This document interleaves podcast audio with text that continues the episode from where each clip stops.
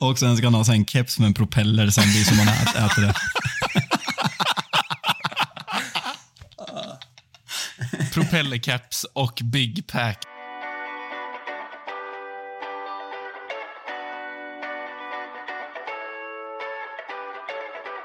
Can Manchester United score? They always score. Rooney! Oh, wonderful! It's Berbatov!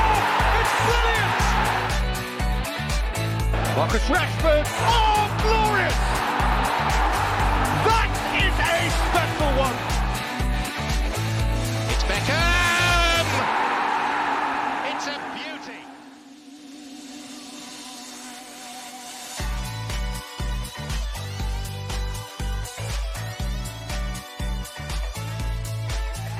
Känn dig sådär extra varmt välkommen till United-podden. Podcasten som du inte visste att du längtade efter. United-podden görs i ett stolt samarbete med både den officiella skandinaviska supporterklubben MUS och United-redaktionen på Svenska fans. Hoppas ni mår bra där ute alla United-podden-lovers. Och om ni inte mår bra så kommer vi se, se till att ni gör det om en timme eller så. Jag heter Micke och med mig den här veckan så har jag ju poddens alldeles egna glädjepiller, Marcus Eriksson. Välkommen Mackan! Stort tack. Kul att få podda igen. Det känns som att det var ett eh, jävla tag sedan. Eh, Så jag är taggad idag. Det blir kul. Ja, vi körde ju lite semester här förra veckan. Eh, Du är ju känd för eh, att boosta lyssnarna. Vad har du för någonting den här veckan? En väderprognos eller något annat på gång? Eh, fan, det känns tråkigt med väderprognos nu när det, eh, det känns som eh, det segmentet har väl dött ut lite. Eh, jag vet inte riktigt vad jag ska boosta med. Det, vi är en vecka närmare golfsäsongen. Eh, så försöker jag se på det. Eh, och Jag tror att många av våra lyssnare kan glädjas av det också. Så det är härligt. Mm. Mm. Ja, men det känns fräscht ändå att du eh, i dissa vädret då använder din andra och enda andra referens, golf. Eh, istället tycker jag vi går vidare i programmet här och välkomnar in eh, vår stående gäst, eh, Rule Britannia-profilen Fabian Jalkebo är med oss idag. Det känns riktigt gött. Hur är läget? Jo men det är bra. Tycker lite synd om dig som, eh, alltså positiva Micke kommer få kämpa idag när det är två domedagsprofeter som ska, som ska slåss mot dig. Jag vet inte, jag tror fan inte vi tre i konstellation har kört tillsammans någon gång så det blir, det blir extra jobbigt för dig idag. Men eh, är det någon som klarar det så är det du. Så alltid, eh, alltid lika kul att vara tillbaka och första 2024 så en perfekt jävla start på året. Ja, men det känns eh, givet. Jag kommer inte ha en strikt programledarroll idag och eh, inte inte debattera någonting. Kommer bara hänvisa till att jag har immunitet. så vi kör en domedagspodd idag helt enkelt. ja, eh, vi har ju eh, smugit igång eh, 2024 med en eh, ah, rätt sömnig tillställning eh, som vi strax ska prata om. Men eh, jag tänkte vi ska, innan vi gör det så vill jag höra nyårslöftena från eh, både Mackan och Fabbe här. De har inte fått förbereda sig på det här alls. Oj, jag ser suckarna och, och Mackan, vad har du för nyårslöfte? Jag sysslar inte med sånt där. Jag tror jag har varit inne på det tidigare i podden. Jag tycker det är bara bullshit alltså. Folk som säger att de ska träna mer och så skiter det sig efter två veckor. Nej, sånt, eh, sånt håller inte jag på med. Så eh, den skickar jag vidare till, till kära Fabbe. Väldigt väntat att Mackan är anti nyårslöften. Vad fan, det är så tråkigt. Jag är så trött på det här. Folk när man var liten, nej nu ska inte jag äta godis på ett år. Va- Varför inte det? Det är ju gött att göra det på lördagarna liksom. Fan, eh, lev lite. Alltså du är inte, du är inte fel i sak. Fan, har jag, alltså jag har inga direkta eh, nyårslöften, inte löften, men jag har typ satt upp mål. Alltså jag, jag passar på, ni, eh, ni brukar inte håna mig så mycket, men mina andra kollegor de hånar mig väldigt mycket när jag pratar om att jag eh, håller på ganska mycket med löpning. Och jag kommer upp i 200 mil 2023, så jag, eh, jag har som målsättning att komma upp i 300 mil eh, 2024 och slå massa personliga rekord på diverse olika distanser. Så det tillsammans med att Eh, bli en ännu mera jag säger det för att uppleva roliga saker. Så eh, skulle jag säga löften, men mål med året helt enkelt. Ja, fin, du är lite som Jesse Lingard. Du tränar bara utan att spela matcher. Fan anmält till minst tre lopp i alla fall. Så lite, lite matcher blev det och hade faktiskt, eh, var faktiskt på ett upptaktsmöte med en fotbollsklubb i division 4. Så det, det ryktas om comeback för Fabian Jalkemo efter tre år vid sidlinjen. Så vi får se hur det går, hur kroppen reagerar och eh, om mitt eh, pannben och temperament klarar av att spela fotboll igen. För det har varit, det har varit god stämning i domar, domarrummen i, på, i, nere i Östergötland när jag inte har spelat de tre senaste åren kan jag säga. Ja, ryktas som att du är inte domarens bästa vän. Men fan vad intressant. Du får gärna vara med i vår utmaning, min och Mackans där. Eh, vi har inte bestämt än, men vi ska söka upp en fotbollsplan och se vem som sätter flest frisparkar i krysset helt enkelt. Och jag är storfavorit på bettingbolagen. Vad skulle du gå in där? Vilket odds har du, Fabbe? Alltså, alltså min fot, alltså jag har ganska känslig passningsfot men jag är ri- riktigt dålig på att skjuta. Jag har spelat seniorfotboll sedan jag var 16 och slutade när jag var 29. Så på 13-14 år så jag tror jag landat på, jag tror jag har gjort fem mål. En ganska destruktiv, eh, hård, alltså så här en, lever på rutin, eh, bra på huvudet, mittback. Så eh, skottet riktigt, riktigt svag. Så jag sätter mig ändå som ja, men oddsfavorit med tanke på motståndet. Åh, fy fan. Mackan, du får omedelbart reagera på det här. Mm. Nej, jag, jag vet inte. Jag, jag vill inte måla upp eh, min högerfot mer än vad jag har gjort i tidigare avsnitt, för då har jag blivit hånad. Eh, men eh, allsvensk klass har det väl viskats om några gånger, så eh, att eh, säga att jag inte är favorit, det är att eh, tala i osanning. Mm, den som lever får se. Frisparkstävling när som helst, vilket år som helst.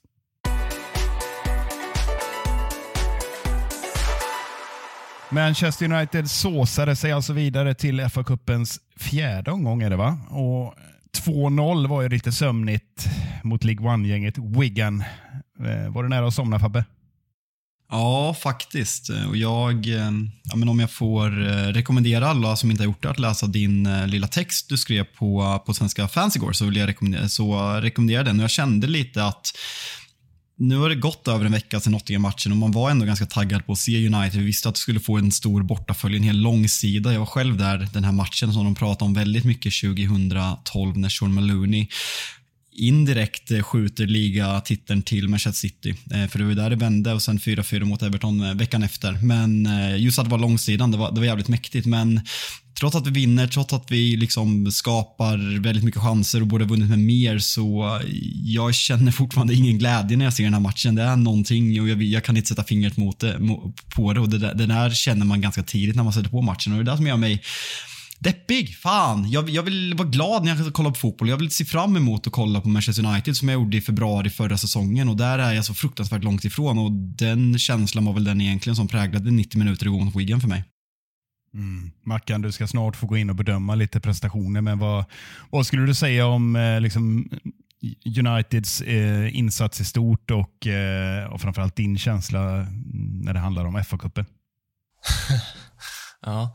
Eh, nej, men eh, såsade sig igenom eh, matchen, det tycker jag är rätt eh, uttryckt ändå, för det är eh, så här, ganska trött insats överlag. Jag väl ingen, eh, alltså Martin Åslund var väl inne på det hundra gånger under matchen, att eh, det var lågt tempo och United eh, United rullar boll för långsamt och Wiggen backar tillbaka. Det var väl väldigt väntat. Eh, sen tycker jag väl ändå att målchansskapandet eh, framförallt i den första halvleken eh, var väl positivt överraskande eh, oavsett om vi möter League One-motstånd eller inte. Men eh, trött, eh, trötta 90 minuter på en trött fotbollsplan i, mot ett ganska trött motstånd. Så det är väl FA-cupens tredje omgång. Med de orden så tycker jag vi skrider till verket och går in på lite mer detaljer då. Mackan, vad har du till oss när det gäller spelarprestationerna? Eh, och framförallt, vilket upplägg väljer du på veckans macka den här gången? Ja, nej, men det är ett klassiskt eh, veckans macka-upplägg här med två spelare som, eh, som lyfts och eh, en spelare som sänks en aning. Låt höra då. Jag har ett krav. Du börjar med den som sänks en aning. För jag tycker vi ska avsluta med lite positivt när vi ändå har med oss de positiva grabbarna idag. Ja, härligt, härligt. Nej, men eh, tycker jag att man kan välja mellan två här och det är eh, Marcus Rashford och Scott McTominay. Eh, jag eh, tog del av lite statistik här under dagen på att Marcus Rashford skapade mest antal farliga chanser under 90 minuter. Men alltså känslan jag får när jag ser honom spela är bara att han är så jävla lat och trött och ointresserad. Har väl några situationer där han exploderar lite och eh, skapar, skapar en målchans, något farligt skott. Men jag tycker att det går för långsamt och han ser ointresserad ut. Eh, trots det så är han ju inte sämre än Scott McTominay som, eh, som gör en sån där insats. Där man bara får känslan av att han är eh, på fel plats hela tiden och i vägen för andra spelare. Eh, jag vet, alltså alla har förmodligen sett det här klippet på när Kobi Mainu eh, går in och vinner boll på mitten eh, eh i ett motlägg och eh, bollen går till Scott McTominay som helt... Jag vet inte vad han tänker. Man ska typ rensa bollen bak i banan helt plötsligt och skjuter Mainu i huvudet och bollen studsar. Eh, och så får Mainu rädda upp situationen igen. Eh, jag tycker att det summerar hans insats lite och de brister han har som fotbollsspelare. För han, han känns bara som att han löper i andras ytor och är på fel plats vid fel tillfälle. Eh, och jag kräver bra mycket mer än så av en eh, startande mittfältare i Manchester United. Har du en annan bild Fabbe, eller skriver du under på Mackans ja, lilla sågning? Nej, men det, det, gör jag väl inte. Sen tycker väl jag att, som Mackan är inne på inledningsvis med Marcus Rashford, att det här är väl på något sätt det man förväntar sig av Scott McTominay i en kontrollerande mittfältsroll. Att det, är, det här är väl den nivån han håller. Så det är väl liksom att Scott McTominay inte, han gör en match på den positionen som man förväntar sig, medan Marcus Rashford känner man liksom, nu möter du en högerback som ligger på 18 plats i League One. Borde du inte kunna vara bättre? Jag ser liksom att det skickas ut så här, Marcus Rashford stats by numbers versus Wiggen och folk håller på och retweetar. Vad fan, kolla på matchen. Att han hade 85% i passnings, eh, passningsprocent och 73 toucher, det skiter jag faktiskt fullständigt i. För kollar man på matchen så är det gör mig så det gör mig så fruktansvärt ledsen. Jag vet inte om jag blir frustrerad eller ledsen. Jag vill så jättegärna att Marcus Rashford ska blomma ut i den spelaren vi vet finns där någonstans. Eller vill, vill i alla fall att vi, vi ska tro att, det, att den finns någonstans. Men den här, den här matchen är jätteoroväckande för mig. Att, eh, att han efter, efter den fina insatsen mot Aston Villa sätts upp som nummer nio mot Nottingham, vilket eh, tyckte jag var hål i huvudet av Erik Ten Hag. Nu är han tillbaka på sin plats och liksom han Ja, men han ser ut precis som vanligt och de möter ett jävla pisslag. Jag orkar inte ens räkna hur många tabellplaceringar efter oss eh, de är, men det, det är i alla fall väldigt många. Så, uh, klart rätt att Scott McTominay är sämst i Manchester United, men jag är mest besviken på Marcus Rashfords insats. Mm, jag håller med. Jag skulle bara vilja eh, kan fundera på den. Vem skulle annars spelat nia mot Nottingham? Men, men jag McTominay? Första ja, skulle vara det då. Nej, jag är seriös. För... Jag är helt seriös. Bort med ja. Anthony Garnacho höger, Rashford vänster bort med Anton är vi överens om. Men, men eh, jag, tänk, jag tänkte första tio minuterna, vad, vad, är, vad är det han försöker göra? Han möter ju en utlånad spelare från Fulham, sa Holmgren. Och eh, jag vet inte hur många gånger han plussade för det. Sju gånger sa han att eh, spelaren var utlånad från, från Fulham och kanske kunde bli någonting och allt vad det nu var. Alltså, vi pausar Holmgren, kommer tillbaka till det sen. Men första tio minuterna funderar på vad, vad gör Rashford på plan? Ska han vara quarterback från vänsterposition? Han stod helt still och höll i bollen och väntade in att spelarna skulle springa. Alltså, det var precis som han satt fast som en jävla bordshockeyspelare. Otroligt frustrerande. Och sen, visst skapar han ett par lägen. Han blixtrar till med några snabba sidledsförflyttningar mot 18 placerade Wigan-försvarare. Eh, det imponerar ju inte satan. Och Sen har han ett par skott på skott som är nära att gå in, men i övrigt så är det en sorglig insats som egentligen bara ramar in hela hans säsong. Alltså, otroligt tragiskt att se tycker jag. Det är ändå fint att när du passar på när Adam är borta, att du kallar Marcus Rashford för en fastsittande eh, bordshockeyspelare. eh, hade ju inte Adam, hade blivit, eh, hade blivit böter och eh, två veckor vid sidlinjen om Adam hört det där. Alltså det var ju nära en Antoni-insats alltså. På riktigt, förutom de här rycken och avslut på mål då. Anton har ju aldrig träffat mål, men uh, i övrigt så såg det ut som det var Antoni som spelade. Mm. För, ja. ja, Mackan. Nej, jag håller ja, med. Vill du säga något mer? Ja, jag vill bara, vill flik, du säga något mer? Jag vill bara flika in där om McTominay. Alltså, det är inte bara han så här. Nu, nu var han ju i den här luddiga tio-rollen också. Eh, flytta ner Bruno och så upp med McTominay så var han in i boxen och eh, brunka lite. Men ett stort problem jag tycker är, nu, nu fick Höjlund en del chanser igår ändå, men jag tycker att McTominay tar upp Höjlunds ytor och är i vägen även i, i anfallssituationer. Inte bara på mitten som man brukar vara, utan nu är han fan i vägen för våran anfallare också. Jag, jag förstår inte vad det är för eh, taktiskt direktiv han har fått som har lett till att Ten Hag tycker det är värt att flytta ner Bruno för att ge McTominay mer yta offensivt. Jag, äh, jag blir galen alltså. Jag, jag håller med, men jag, sk jag skulle ändå vilja blanda in Höjlund. Jag tycker han kommer undan lite för billigt nu och han är 20 år. Jada, jada, jada. Det är ingen jättebra insats han står för. Nej. Eh, och McTominay lite grann på Fabbes spår. Jag tycker att han, han, liksom, han, han, gör inte mål, men annars är han ju i de här situationerna och springer i vägen för folk. I och för sig då, men jag förstår ju ändå vad han vill komma åt med det. Men Höjlund, eh, jag vet inte. Alltså det är ingenting som fungerar om det bara sitter i huvudet eller vad det nu än är. Eller får vi inte bättre än så här? Jag, vi kommer att prata lite anfallare mer sen, men jag vill ändå blanda in Höjlund i ekvationen. Måste höja sig. Vad säger du om det?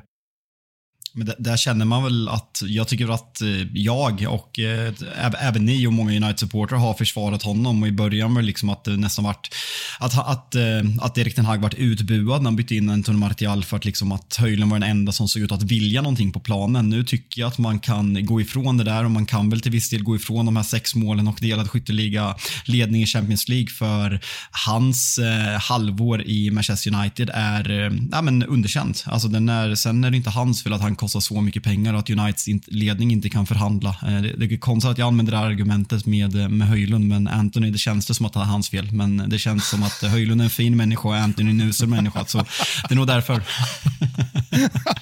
jag tycker men, det ändå var fint. Ja, nej, men man är en jävla hycklare bara för att liksom få fram sin agenda, men jag, jag tycker att Höjlund ska börja ifrågasättas, för igår kommer han till chanser och igår måste han göra mål. Det är det som liksom jag landar i, så jag håller med mycket att jag tycker att vi ska absolut lyfta Höjlund som en av de, en av de tre som vi är inne på att prata om vi ska ge kritik spelare. Vad säger du Mackan? Ska vi jobba lite positivt också eller? Ja, det är väl dags för det, tänker jag. Uh, och uh, näst bäst igår. Uh, sitter och väljer mellan två spelare här. Det är antingen vår kära lagkapten Bruno Fernandes som jag tycker eh, gör en, eh, gör en väldigt bra insats. Eh, borde väl haft någon assist om nyss nämnda Höjlund eh, kunde pricka mål, eh, eller om Rashford var lite pigg, eller om, eh, om det fanns lite effektivitet hos, eh, hos de andra spelarna. Eh, men jag, jag, tycker fan att eh, Garnacho förtjänar att hyllas, för jag tycker att han är Just nu är han exakt en sån spelare vi har eh, saknat att ha på högerkanten under jag vet inte hur många år. Eh, han eh, kan gå inåt, han kan gå utåt, eh, han kan söka skott, han kan gå på inlägg, han går mot sin försvarare varje gång och det finns lite vilja att skapa någonting. Han vill alltid ha bollen. Eh, och Det tycker jag alltid ska hyllas eh, och höjas. Så jag, jag säger att Garnacho är snäppet vassare än Bruno igår och tar andra platsen. Mm finns en del att ta tag i där. Jag tycker det saknas en spelare också, men mm. Kobe Mainu tycker jag är helt briljant. Jo, jo, Igen. men eh, det här var ju bara näst bäst. Bruno är inte, på, Bruno är inte bland de två bästa. Ja, ja okej. Okay. Bruno trea. Ty, tycker, tycker även att, eh, tycker även att um, um, Diogo Dalot ska nämnas om vi liksom pratar näst bästa spelare. Jag tycker att han, alltså det är något med Manchester United, nu, nu blir det som lite parodisk känner jag själv när jag säger det här, men om ni kommer ihåg matchen mot Crystal Palace B i, eh, i ligacupen när, mm. när Amrabat spelade inverterad vänsterback och man bara kände fan vilket övertag vi har på centrala mittfältet. Det är så här det känns att vara City alltså. Lite samma känsla hade man igår med det liksom numerära övertaget med, med Diogo Dalot som central mittfältare och liksom överbelastning där. Så jag vill bara inse att det liksom är Pallas med tio A-lagsspelare borta eller ett League One-lag som krävs för att Erik Hag ska få ut taktiken han, han vill. Så jag tycker Dalot gör det jävligt bra. Fan, det var inte meningen att sluta i, en, i ett hån till Erik Hag, det var det verkligen inte. Men jag tycker Dalot och sen så krönar han med målet, jag tycker att han är riktigt bra. Och jag tror, jag ska lämna över till dig Mackan, men jag tror att vi är ganska överens om vem som dominerar den här matchen matchbilden, även om Dalot fick det officiella Man of the Match-priset. De här, de här officiella Man of Match-prisen är så jävla dåliga. Alltså. Jag vill bara flika in det innan. Ja, lägg ner skiten. Alltså vad är det? Men fan är det som...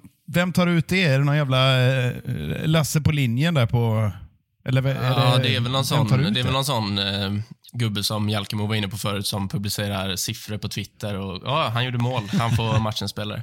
Nej, men jag, jag, tycker att eh, Kobe, Kobe Mainu är fan helt överlägsen i det här Manchester United. Jag kan, inte, jag kan inte tro att detta är hans typ tionde seniormatch eh, när man ser honom spela. Eh, 18 år gammal, dominerar eh, mittfältet i speluppbyggnad, i bollvinnande, i tempostyrning, alltså i allt. Eh, och gör, gör allt det där en mittfältare ska göra, eh, både defensivt och offensivt. Så eh, jag tycker att han är, han är en nivå över alla andra i United och det känns sjukt att säga. Alltså. Det, det är två små detaljer jag skulle vilja lyfta upp som är, ja, men som är så jävla läckra och alla såg väl säkert mottagningen, den lilla touchen i ett fram och så kan han ta ett avslut som är ett bra avslut från det läget. Den detaljen och sen är det väl, man har sett så många gånger nu, men, men när han får en spelare på sig så går han in lite med höften och så ser det bara ut som han bara tar bollen som att det är ett barn han möter. Alltså den tekniken, det, jag jag hoppas ni förstår vad jag menar. Den tekniken att liksom hela tiden suga åt sig bollen i 50-50-läge eller i 30-70-läge. Det var, jag vet inte fan när jag såg en sån spelare med, med en sån självklar jävla teknik när det gäller att liksom kontrollera sin kropp och samtidigt också i relation till andra i närkamper. I, spelar nästan ingen roll vad det är. Alltså, det, är en, det är en helt annan nivå än väldigt många Premier League-spelare skulle jag säga.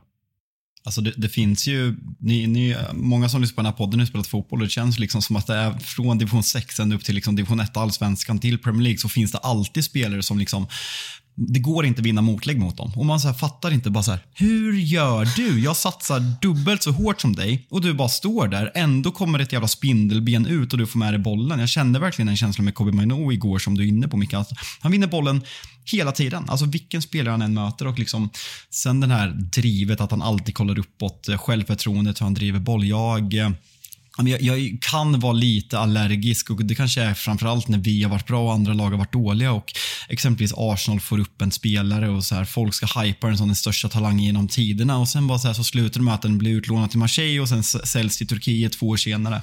Och så där har det varit i Manchester United-led ganska mycket också att liksom folk pratar men jag har sett den här spelaren sedan han var 11 år, bara käften jag bryr mig inte.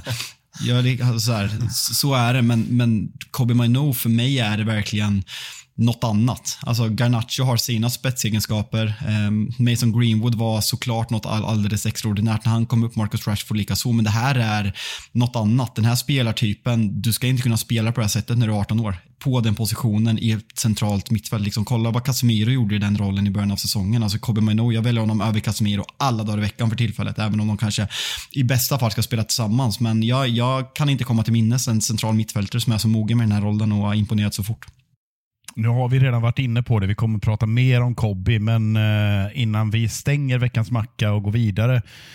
Vad eh, enades vi om? Vad sa du? Vem var näst bäst egentligen, Mackan? Spikade du fast det? Det var flera du nämnde. Ja, men Garnacho näst bäst. Eh, och sen Bruno trea då, så får väl Dalot man of the match, fjärde platsen. Och så Kobe Mainu. är väl...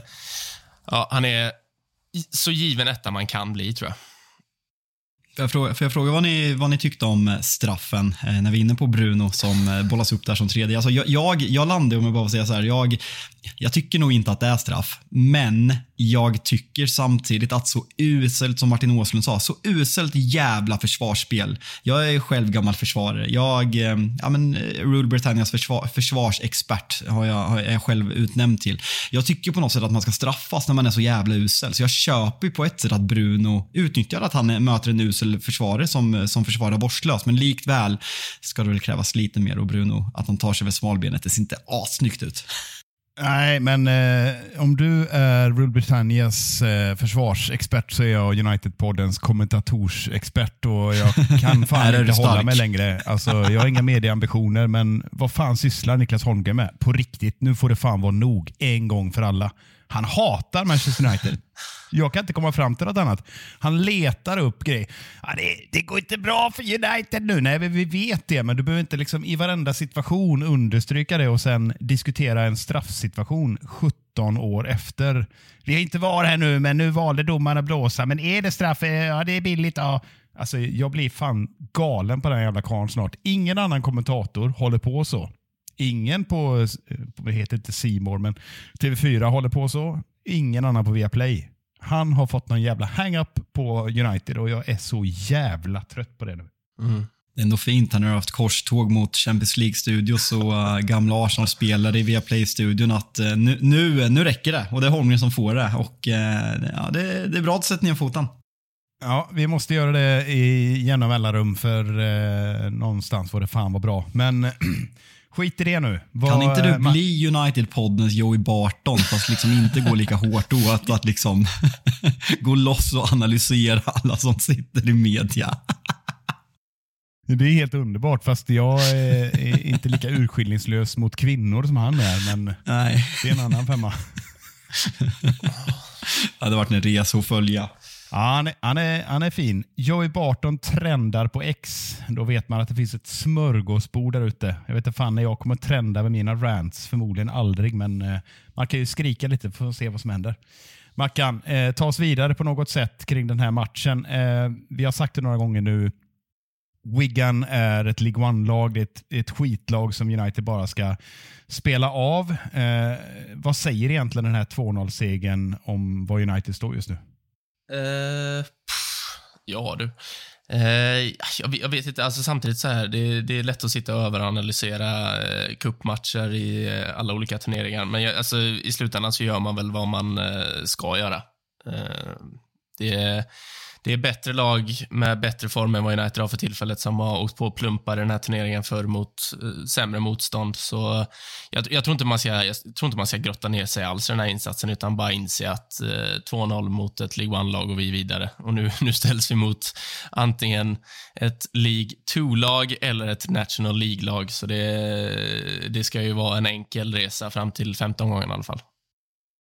Ja, förbannat kul. Hoppas det blir de här, vad heter de? East vad heter de? East Light eller vad? Eastway typ. Ligger, ligger nere vid Southampton har jag googlat mig till i alla fall. Men annars, eh, usel koll. 5100 tar de in. Det blir spännande att se om United får in sina 7000 Lär vi inte få 7000 som sagt. ja, den som lever får se. Nu går vi vidare.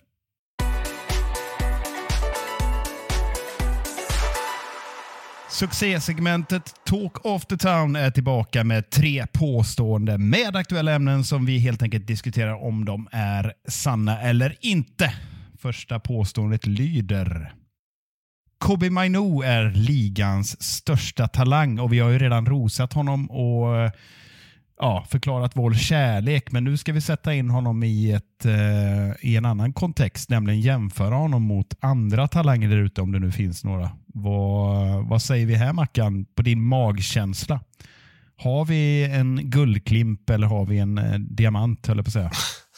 Ja, alltså eh, magkänslan säger ju rätt solklart ja. Eh, och det är ju på grund, alltså främst på grund av att han eh, spelar som att han har eh, spelat på den här nivån i 15 år och eh, li, lite likt Carrick. Det ser ut som att han liksom har knaprat lite lugnare tabletter i den här matchen och bara, eh, alltså, berörs inte av någonting utan bara lallar omkring men är alltid ett steg före alla andra ändå. Eh, sen jag försöker tänka på vad, vad, alltså, vad har vi för motbud? Jag, är, jag tar inte någon så supertalang på uppstuds som jag tänker kan utmana om den här ärofyllda titeln. Vad, vad har vi ute i de andra lagen? Alltså jag har faktiskt fuskgooglat lite eh, under tiden vi har suttit här och liksom de som rankas, alltså vi har ju en i vårt lag, Garnacho ska ju såklart nämnas. Jag, alltså för mig, väldigt högt upp. Även Ferguson i Brighton ska, ska nämnas, alltså har ju ryktats till både den ena och andra stora klubben. Eh, kommer bli väldigt dyr när han säljs. Rico Lewis i Manchester City som har fått väldigt mycket speltid.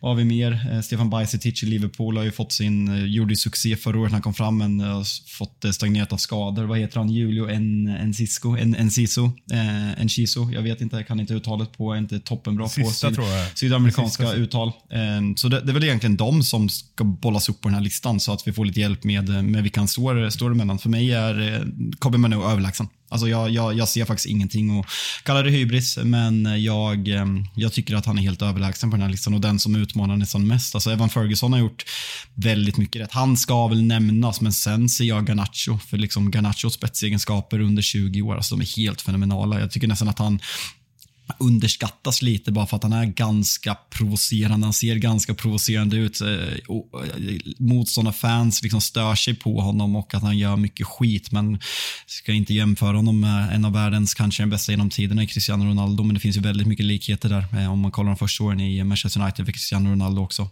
Mm.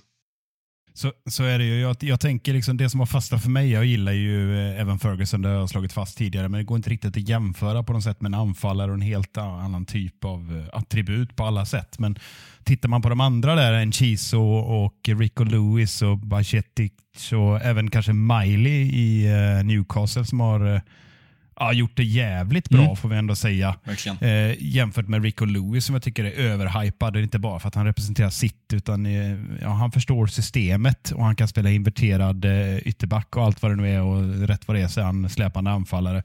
Absolut, absolut, men jag, jag har väl inte riktigt blivit blown away utan då, tyck, då fastnar jag i så fall för Enchiso som jag tycker jag vet inte, det var några matcher där innan skadan så man undrar vad fan är det här för jävla spelare? Är det James Rodriguez som har liksom regregerat eh, till eh, 20-årsåldern som pågår? För det var en jävla höjd han hade. Så det är väl, det är väl han emot för mig. Mm.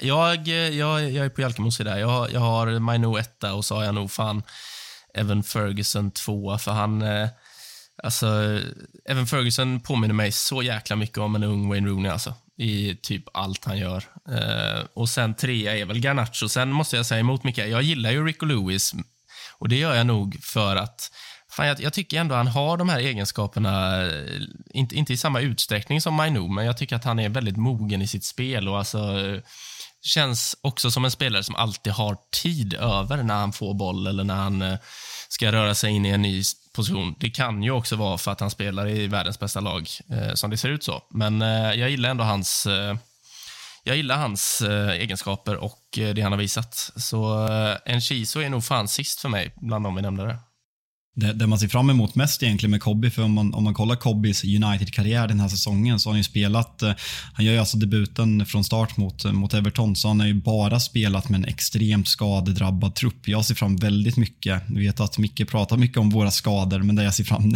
nästan mest emot är att se nej, men en elva om vi tar, men om Garnacho spelar höger, eller om Mason Mount spelar höger, en, en centralt mittfält med Bruno Fernandes och sen bakom där Casemiro, Kobbe Mainoli, Sandro Martinez och Rafael Varane, eller Johnny Evans eh, som mittbackar och Luke Shaw som vänsterback. Alltså att se hur Kobbe rör sig tillsammans med Casemiro och när han är bättre uppbackad i defensiven. Ehm, då tycker jag att man liksom kan, alltså förhoppningsvis kan ju ta ett kliv till för nu är det liksom som att han ska ta mest ansvar på det där eh, centrala mittfältet vilket är ganska parodiskt med tanke på hur fort det har gått och hur unga han är och liksom att han kom tillbaka från en skada, en ganska allvarlig skada som han drog på som den mot Real Madrid på försäsongen. Så eh, det ser jag fram jättemycket emot.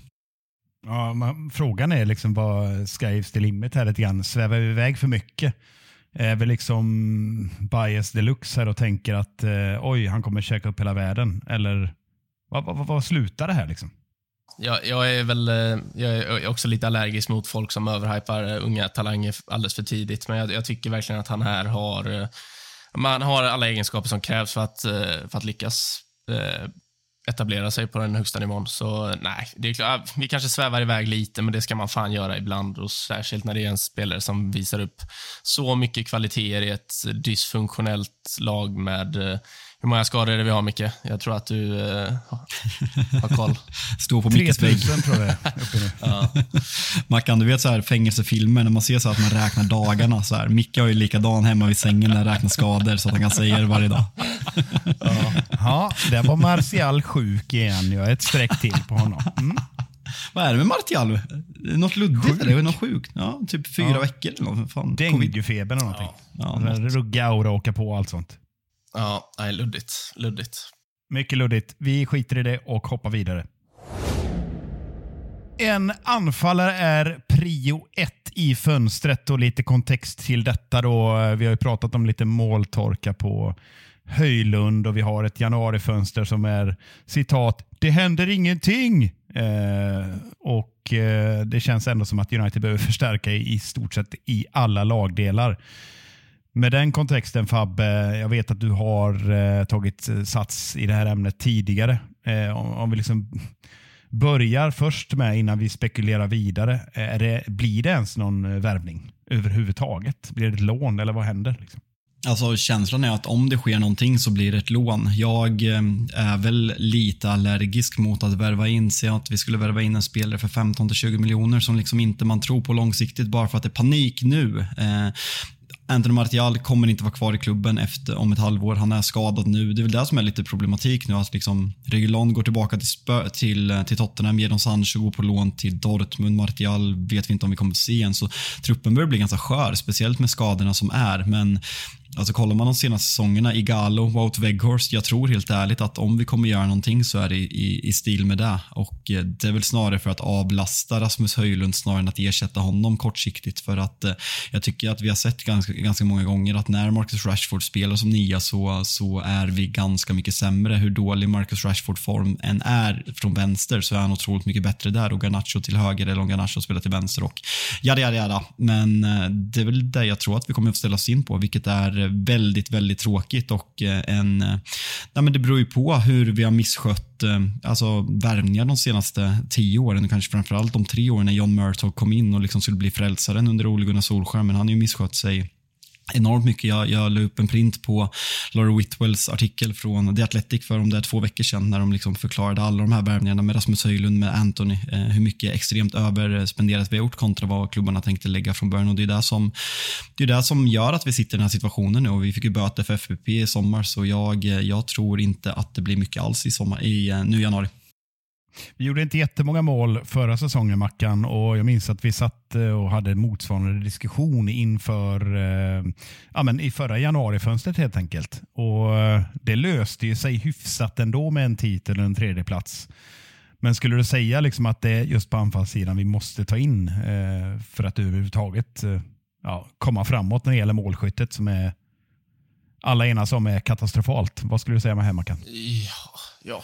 Eh, ja, eh, på kort sikt är det väl svårt att säga annat. Eh, hade det varit på lång sikt så hade jag nog sagt något annat. Men eh, alltså det är väl det här också, vad, vad är det för spelare man kan låna in då? Eh, alltså jag trodde på fullt allvar att vi skulle gå för eh, Timo Werner här i, eh, i januari. Eh, något som jag, jag vet inte, jag hade varit lite kluven till, men han har ju ändå egenskaper som Ten Hag verkar uppskatta. Eh, så det hade väl... Alltså jag kan inte komma på ett bättre alternativ än det, faktiskt. Eh, så jag är tveksam om det kommer någon. Är, jag, jag, kan komma på massa fler alternativ, men alla är dyra. Men om vi, vi helt enkelt enas om, som du är inne på Fabbe, att vi lägger oss på Veghorst, Igalo. Det är ganska mörkt att lägga sig på den nivån ändå. Ja. Alltså, det är inga, jätte, det är inga bjässar. Men vad har vi ens då? Har vi Danny Ings som sitter och multnar på någon bänk? Eller vad, vad, är det för, vad har vi ens realistiskt? Vad fan gör han? Är han skadad eller? Han tillhör West Ham eller? Han sitter på bänken. Jaha, nej, fan glömt bort honom. Alltså Choupo-Moting har ju nämnts och han är liksom, han är ju tredje val nu bakom Thomas Müller och en viss Harry Kane i Bayern München och han har ju liksom på något sjukt sätt han har visat att han liksom kunde göra det habilt i Bayern München. Så alltså helt ärligt, jag tror att vi är på den nivån att man typ ska vara nöjd om vi kan ta in eh, Choupo-Moting på ett sex månaders lån. Eh, det är så jävla tragiskt samtidigt som ja, men Arsenal, eh, Arsenal med sin så kallade anfallskrig med Gabriel Jesus och Edin Kettia, de, de pratar Gyökeres och eh, Ivan Tony och eh, Watkins och eh, Osimhen. Eller Chelsea kanske pratar Osimhen framför allt, men, och vi ska prata Choupo-Moting. Men det, det, är väl där vi är och där, där vi har satt oss. Men jag, jag ser typ den nivån av spelare. Jag tycker att Choupo-Moting vore ett rimligt val efter förutsättningarna. Jag typ kräks när jag säger det, men det är där vi är. Va, vad, har vi på, vad har vi på Karim Benzema eh, borta i Saudi? Ja, det var precis det jag skulle säga. Va, hade varit sexigt faktiskt. Ja, problemet då Problemet då det är ju att om man lånar in honom, det kostar väl ingenting eh, så, men han har ju en eh, lön som eh, jag inte är helt säker på att saudiska klubben säger ah, men fan det är lugnt, vi betalar den ett halvår, ni får låna honom bara. Utan det blir också ett problem. Eh, så, men om, om, om, vi, om vi säger att Karim Benzema på något sätt är tillgänglig så hade det ju varit otroligt eh, roligt att se. Eh, och framförallt tror jag att det hade varit väldigt utvecklande för, för Rasmus Höjlund och Garnacho och eh, de andra unga offensiva spelarna att ha en sån erfaren världsklass, världsklassanfallare i truppen. Eh, det hade varit, det hade varit den roligaste nödlösningen, absolut. Om vi lyckas eh, lönedumpa lite grann så behöver inte det vara jättemärkligt. Man tänker liksom PR-mässigt och kvalitets... Alla, alla vi, borde kunna vinna på något sånt där. Det är väl bara saudierna som kanske inte vill släppa honom. Eh, det, går, det går inte jättebra att locka publik dit och ingen aning om det är någon som ser de här matcherna på tv ens.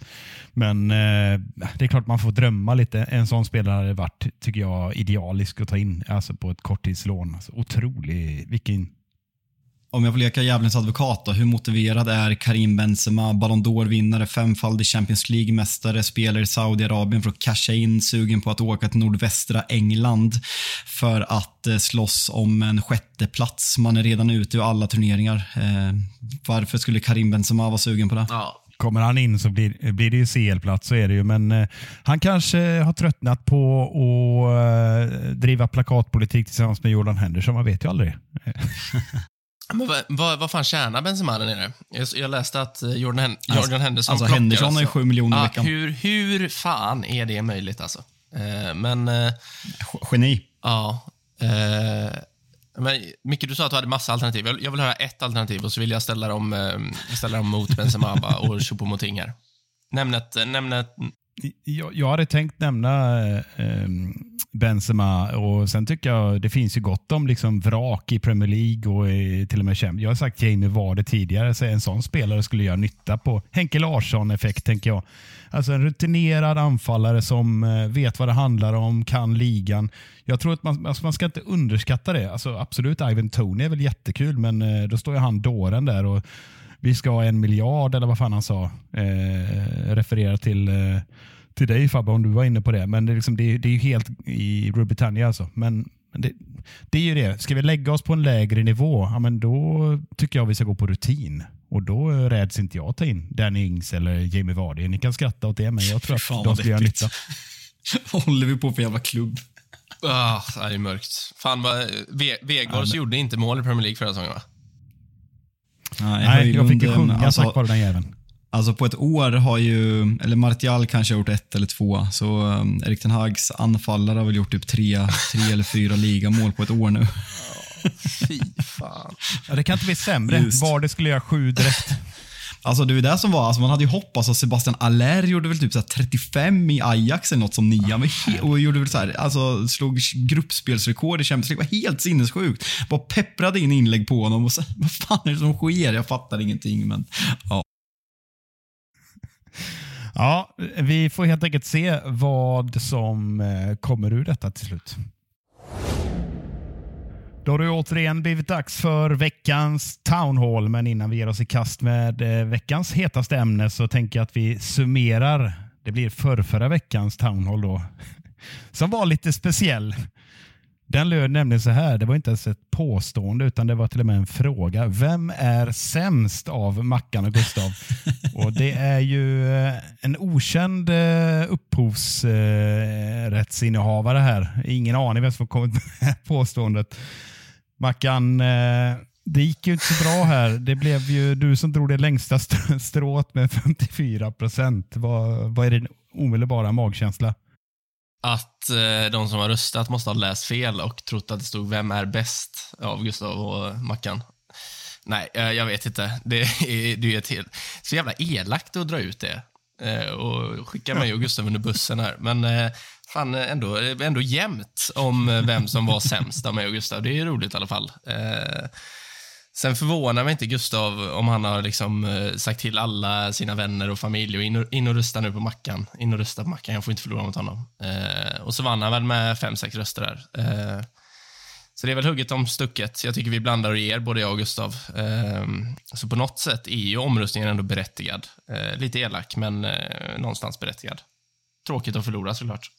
Jag landade i att, liksom, om det var veckan efter när, eh, när Gustav Kulle hade sin julklappsutdelning med pekböcker till Harry Maguire och eh, Fråga Maja gällande Victor Lindelöf som för övrigt, eh, ja, men det är största skrattet jag eh, har gjort under era 100, 115 någonting eh, avsnitt när eh, Victor Lindelöfs eh, julklapp. Eh, att du ändå får, att han slår dig med bara liksom att, det, att du är 4% ifrån en, en lika match, alltså det är en jävla vinst Mackan. Var stolt. alltså, hade du, ha, var stolt. Ja, tack. tack. Ja, vi fick ju faktiskt en hel del kritik här eh, som tyckte att det var elakt som du är inne på att vi borde haft eh, bäst istället för sämst. Men eh, så är det ibland. Eh, det blir eh, sådär och vi får se när jag och Adam blandas in i en omröstning. Man, man vet aldrig när det händer.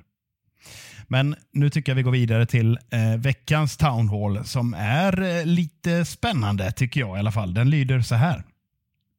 En fa Cup-titel räddar säsongen och Erik Ten Hags jobb inom parentes. Vad säger du här Fabbe?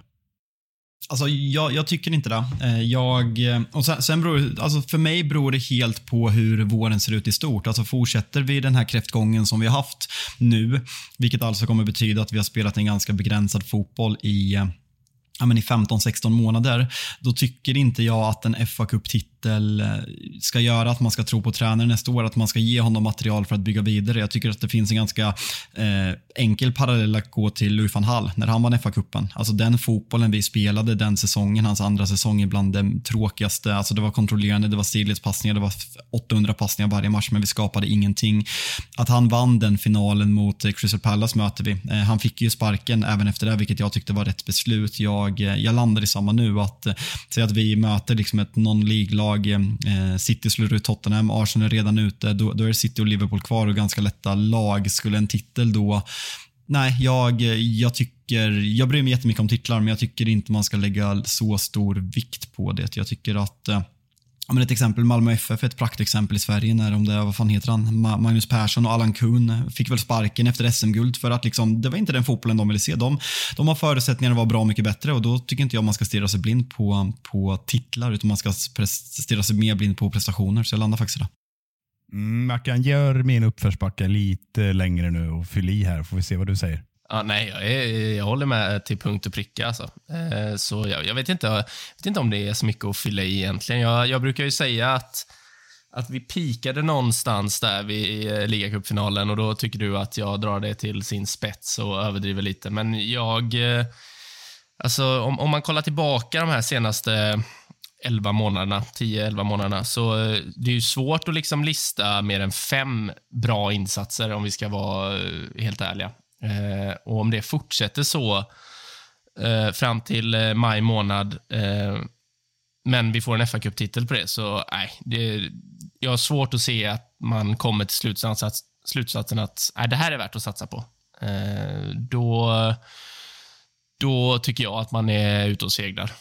Jag håller ju som bekant inte med. Det vet, det vet alla som har lyssnat oh, på den, den, här podden. Eh, och det, det, jag drar den lansen och eh, mångt och mycket säger, jag säger inte att jag skiter i hur det ser ut och, och vinner vi FA-cupen så är det succé. Det, det vill jag bara understryka. Men, men jag tar fasta på det du var inne på tidigare Fabbe, det med Kobe Mainu. Jag vill se eh, Erik Ten Hag ha det där laget du, du pratade om som skulle vara runt Kobe. Då ska man utvärdera Kobe säger du. Precis den åsikten är jag av kan inte Erik Ten Hag få ha en fem, sju, tio matcher i rad när han har full trupp? Eller åtminstone inte de här, det här skadetrycket han har haft nu. Det kommer ju alltid vara en eller ett par spelare borta. Så är det ju mer eller mindre, verkar det som i alla fall. Så jag vill se det först och jag vill vänta ut den här säsongen. Sen finns det ju en annan diskussion att ta. Jag vet Fabbe, du, eh, vi snackade innan och då lyfter du kontraktssituationen för Ten Hag och den är väl vettig att ta in i den här townhallen. För visst är det så att 2025 och så finns det ett optionsår där någonstans. Vad, om vi börjar där, vad optionsår på tränare, det är vanligt. Jag vet inte om jag har hört det tidigare. Alltså jag vet faktiskt inte. United är väl den klubben i världen som är mest känd för att jobba med optioner. Man skriver optioner på i stort sett alla spelare, vilket man ser och liksom eh, skapar, liksom media vill ju liksom skapa klick när man får en, en kontraktsförlängning på Victor Lindelöf som egentligen är ganska rimlig för att även om Victor Lindelöf inte kommer vara kvar så kommer man säkra värde genom att förlänga med honom. Men sen tycker jag att klubben gör rätt att liksom inte förlänga med Rafael Varane med tanke på hans lönekostnad, att man liksom har förstått strukturen. Men Eh, Erik Denag har ju rent krasst 1 plus 1 kvar efter den här säsongen och det är väldigt, alltså rent krasst så är det ju ett år kvar, även om klubben har möjlighet att förlänga det. Det är väldigt ovanligt att en klubb av den digniteten som Manchester United är går in med en tränare med ett år kvar på kontraktet. Vi minns alla Ole Gunnar Solskär som lurade oss alla att han var en väldigt bra tränare i två, tre månader och fick ett kontrakt efter segern mot PSG. Jag vet inte om han skrev ett två och ett halvt år kontrakt eller vad det var. Men sen när det hade börjat gått ut för, för ganska länge sen så fick ju han ett nytt treårskontrakt av någon jävla anledning mm. och sen ett halv, halvår senare så fick han sparken. Det var väl, nu får ni rätta mig om jag har fel, nu killgissar jag lite, men var det inte något liknande med José Mourinho att han jo, får en förlängning och sen så blir sparkad? Så. så det här tycker jag är intressant att prata om. Att säg att Ten Hag får fortsätta. Ska man gå in och liksom spela på optionen att det inte är utgående? Ska man förlänga optionen direkt så att han sitter på två år eller ska man, liksom, ska man visa förtroende för en tränare? För tränare är stora jävla egon, det får vi inte glömma bort. Många vill inte gå in i en sista säsong med utgående kontrakt. Nej, och det är ju rätt intressant hur de kommer att resonera, eh, Mackan. Jag är lite nyfiken på, jag har förstått att eh, du står i Fabbes ringhörna nu, du tycker inte att eh, Ten Hag ska få förnyat förtroende, men om vi vänder på det, vad tror du kommer att hända nu när Ratcliffe och company kommer in här? Eh, ser vi någon eh, signal kring det här runt mars eller vad, när är absolut sen? När börjar det brinna i knutarna helt enkelt? För jag tänker i alla fall innan du svarar nu att när vi går in i mål är vi liksom i juni och man inte ens har, har nämnt det här, då, då, för mig blir det då att då kommer de ju anställa en ny tränare. Ja, alltså fan jag tycker, jag tycker det här är svårt för det är samtidigt, alltså det är svårt att utvärdera för de nya, nya ledningen här eh, efter typ två månader på posten. Eh, det är klart att de har sett hur säsongen har sett ut. Eh, men jag, jag är rätt säker på att om det fortsätter på den, på den inslagna vägen så kommer han ju få lämna i sommar. Jag, eh, det ska till något det ska till en jävla vändning om, eh, om han ska erbjudas ett nytt kontrakt. För det är, alltså det är en knivig situation. Jag kommer ihåg att jag undrar vad fan det var som pågick när de skrev nytt med Solskjaer där eh, under våren slash sommaren eh, 2020 eller vad det, vilket år vi är inne på. Eh, men samtidigt så här, fan det är ju rätt rimligt ändå att inte ha en tränare som sitter på utgående. Eh, så Nej, jag, jag tror att om, om, om, han, om han får till en vändning här nu och eh, vi ser ut som ett nytt lag och vi kniper en Champions League-plats och eh, kanske till och med en fa Cup-titel, då är, då är det väl på någon, något sätt befogat att ge honom ett nytt kontrakt. Eh, fortsätter det på den inslagna vägen och vi slutar eh, sjua eller åtta och tar en fa Cup-titel, då är det ju rent av dumdristigt att inte leta efter något annat. Men det där, alltså, nu, nu, blir det en annan diskussion i grund och botten med tränare, men jag tycker att det där är något som United har gått fel på så fruktansvärt många gånger de senaste tio åren med de här kontrakten på väg ut. Vi, vi, vi förlänger för att säkra värde och eh, liksom förtroende från tränare i Mourinho och Solskjers fall. Vi har liksom förlängningar med Phil Jones och Chris Smalling som har varit helt oförklarliga. Vi har, håll för öronen nu, en förlängning med Anthony Martial eh, som har varit helt oförklarlig sett till den lönen han, han fick. Så det, det, är problematiskt för Manchester United hur man har agerat på den här marknaden. Det har kostat helt sjukt mycket pengar. Alltså helt sjukt mycket pengar med liksom båda sparkningarna av Ole Gunnar Solskjaer och José Mourinho som hade kunnat blivit bra mycket billigare och sen kontraktslängden och noll försäljningsvärde på Anthony Martial, Phil Jones. Vi fick väl lite för Chris Smalling till Roma men liksom sett i förlängningen att Eh, så har de ju varit helt oförklarliga. Eh, så United behöver lära sig av situationen. Sen, jag, jag, jag vet inte, jag, jag, kan inte komma på om de hade option eller om det var sista året. För just att man går in med sista året är extremt ovanligt. Det skulle väl vara någonstans om man drar något mellanting, att man förlänger ett år inför nästa säsong så att man sitter på två år kvar. Det är väl ett alternativ. Ja, det, det, jag skulle komma till det, det är det mest troliga jag tror på. Jag tror att man aktiverar optionen.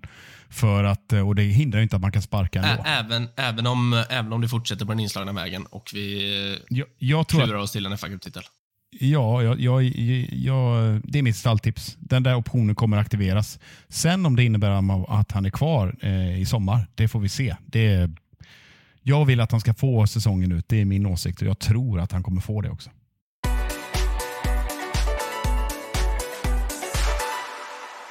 På söndag klockan 17.30 så tar vi oss an Postis-Per och hans gamla fina trasiga gäng Tottenham på Old Trafford. Och Mackan, du har ju såklart förberett en minutiös motståndarkoll. Ja. Fan, jag, jag tror att jag jobbar alltså, i motsatt riktning med vad Gustav Kulle gör med de här motståndarkollarna. Eh, och Det kanske också är därför jag förlorar omröstningar som, eh, som den som var ute på Twitter här, eh, häromveckan. Eh, så här blir det kort, koncist, på volley, på uppstuds. Kalla det vad fan ni vill.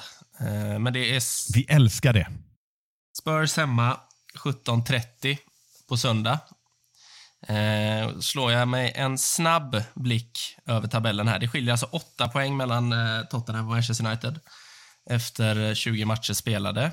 Eh, och man, man trodde ju ändå att Tottenham var ner, eh, på väg ner lite i en, mot en sån här klassisk Spurs-säsong när de vinner titeln i september och sen eh, kommer de sexa eller femma eller vad fan de hamnar. Eh, men där har de ändå studsat tillbaka.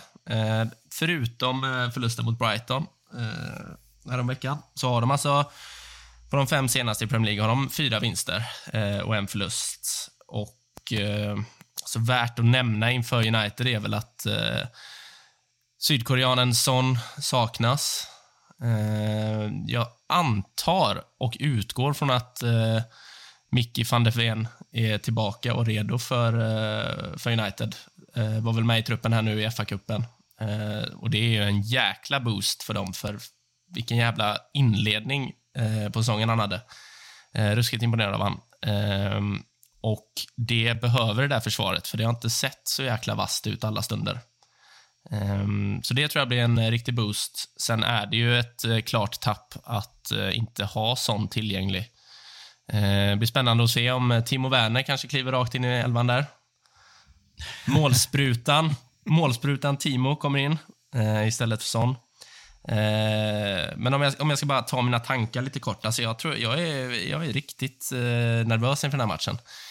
jag vet att Ernst Postkoglu är en man som delar folket där ute och uh, många tycker att han är alldeles för klämkäck och det är mate överallt och hela jävla tiden. Uh, fan, jag gillar honom alltså. Jag tycker att han är, eh, förutom att vara trevlig person som han verkar, så är han ju faktiskt en bra tränare.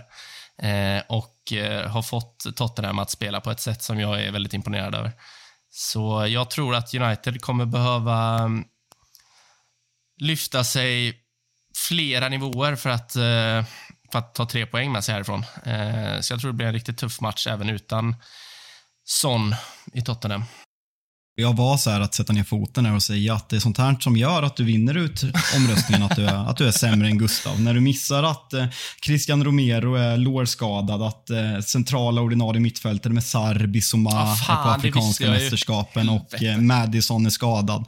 Så vi har liksom en centralt mittfält på tre spelare som är out, plus eh, Christian Romero, även om van de Ven är tillbaka. Så eh, jag eh, som negativ människa, United vinner den här matchen. Alltså inget snack. Alltså, jag, jag kan inte säga något annat. Jag, jag äh, tänker inte strö med salt i såren, Mackan. Det, så blir det när man kör volleykollen. Men, men, men äh, jag vill bara sätta stopp för det här jävla runkeriet runt Postekoglu. Nu får det fan vara nog. Han, älskar han är så jävla trevlig och oh, vad mysigt. Might, might, might, might, might. Och vi spelar så fin fotboll och det är lite Arteta-nivå. Micke, får jag bara avbryta lite? Kan, kan, vi inte få en imitation så här? It's just who we are mate.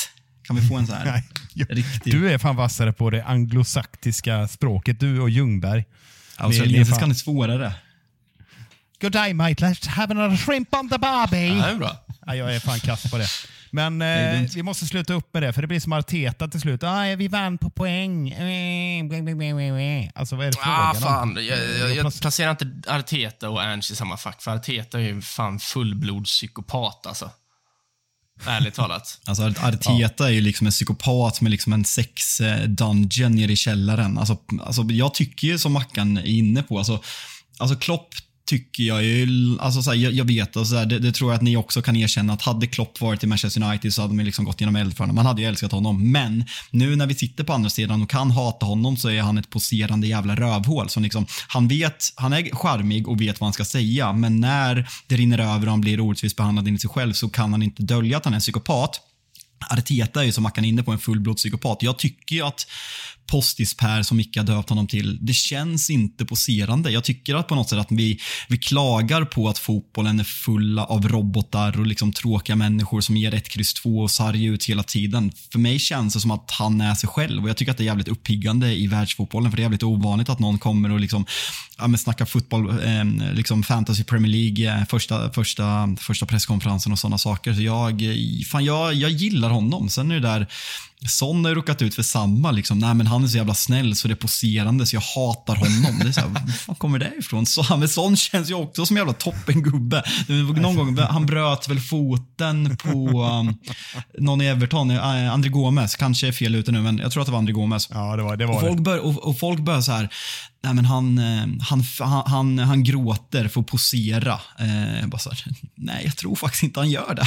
Nej, men för det där tycker jag, alltså lite, lite samma...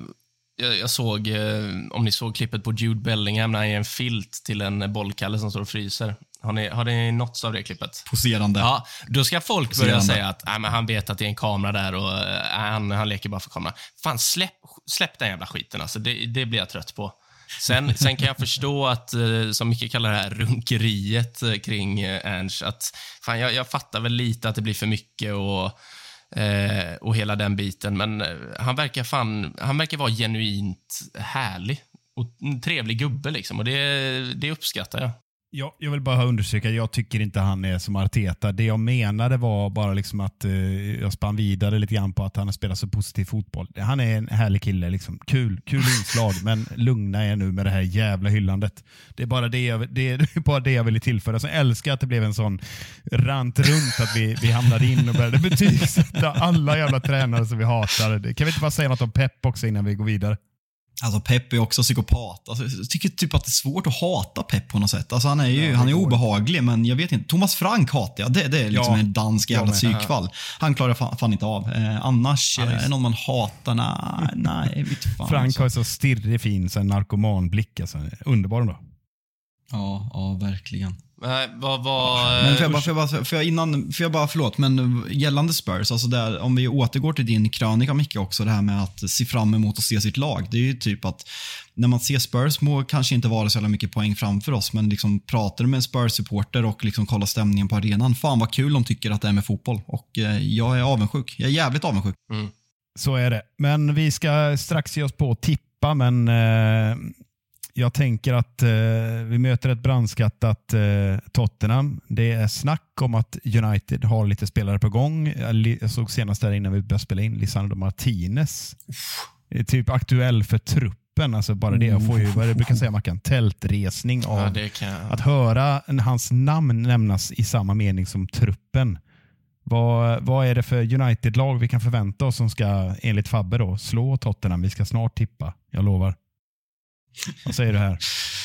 Alltså, alltså känslan är väl att, det, att elvan blir ganska lik. Maguire var väl egentligen den som var mest aktuell, vad, vad jag läste. Men frågan är, jag tycker Johnny Evans har varit riktigt bra. Alltså liksom inte bara Gustav Kulle och mitt eh, Johnny Evans-vurm, så tycker jag att han ja, men på riktigt är en av säsongens bästa spelare. Eh, vilket är helt sjukt och kanske säger mer om Manchester United, men jag, jag väljer glädjen här, så jag tycker väl att Ja, att elvan, Luxo eh, ryktas ju vara tillbaka framförallt och då kan vi flytta över Dalot till, till höger för jag tycker att han har visat även när han spelar på fel kant att han är otroligt mycket bättre än Aron van Bissaka. Eh, annars tror jag att vi kommer ställa upp exakt likadant som vi gjorde senast. Eh, vad som talar för att vi slår Tottenham enkelt, egentligen ingenting eftersom vi inte kan göra mål, men eh, jag tror ändå på, jag tror, jag tror ändå att eh, med lite, lite, lite mer truppmedlemmar också, lite mer go, Harry Maguires ledaregenskaper in i omklädningsrummet, Lisandro Martinez, psyk, argentinska, han kommer ha en sån sexig face fade också, den kommer vara helt otrolig, det kommer liksom höja laget. Ja.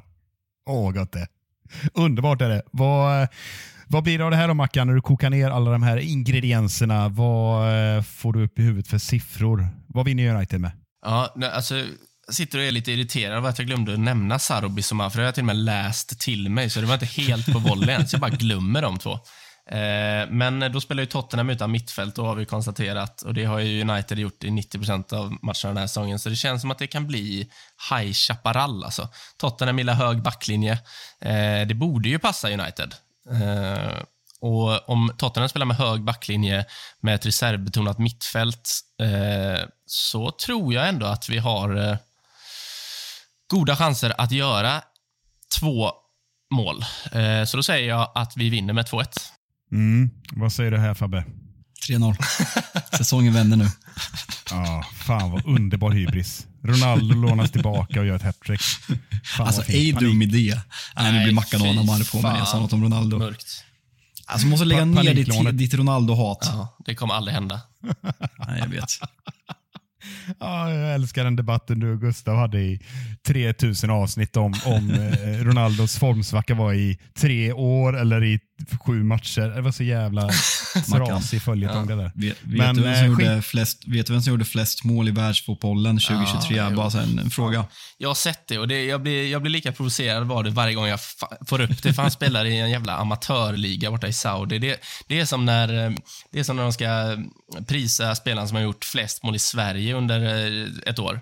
Och så tar de upp typ Albert Sjöhage i div 5, norra liksom. De möter eh, 42-åriga 42-åriga mittbackar som, eh, som inte kan springa. Liksom. Och så tryckte han dit eh, 47 mål. Ja, kul Albert eh, att du gjorde 47 mål, men vad fan betyder det? liksom? Ingenting. Ja, vi, sl- vi släpper Ronaldo. Eh, 3-0 säger Fabbe, Mackan säger 2-1. Jag säger det blir en sån här High Chaparral-match. Jag tror det blir 4-2 till United. Fullständig kalabalik och så avgör Alejandro Garnacho. Underbart är det.